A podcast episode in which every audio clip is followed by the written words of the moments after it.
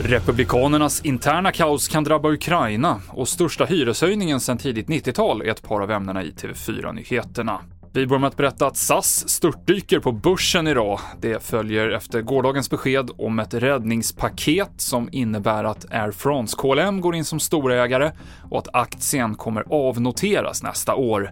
Så här säger en expert om vad det här kan innebära för resenärer.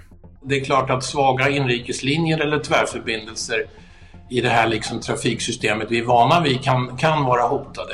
KLM gör inte det här av välgörenhet utan man vill tjäna pengar. Och danskarna vill värna sin trafik till Danmark. Så vi kommer väl att se en hel del anslutande svenskar landa i Amsterdam och Köpenhamn, kanske fler än tidigare.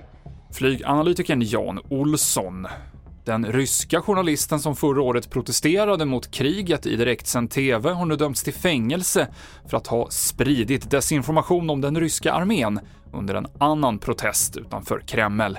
Marina Ovsjanikova flydde Ryssland efter aktionen i TV och hon döms i sin frånvaro. Ryska myndigheter har förbjudit medier att beskriva kriget i Ukraina med ord som krig, offensiv eller invasion.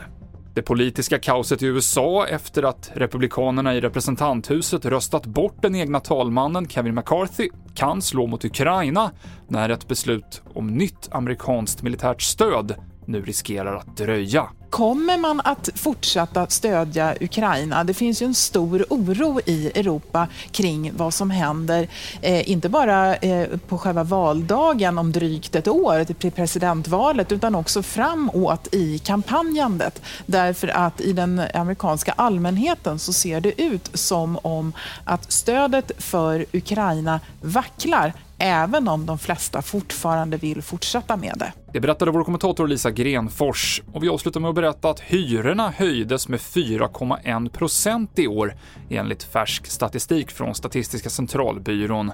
Det är den största höjningen på nära 30 år. Enligt SCB så kostar nu en genomsnittlig trea nästan 8 100 kronor i månaden.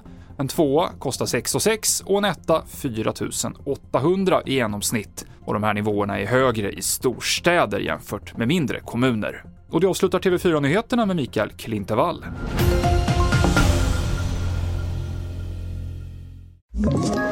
Ett poddtips från Podplay.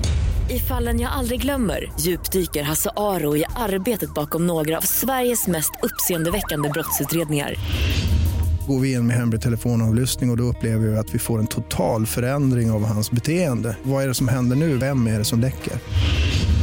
Och så säger han att jag är kriminell, jag har varit kriminell i hela mitt liv men att mörda ett barn, där går min gräns. Nya säsongen av Fallen jag aldrig glömmer på Podplay.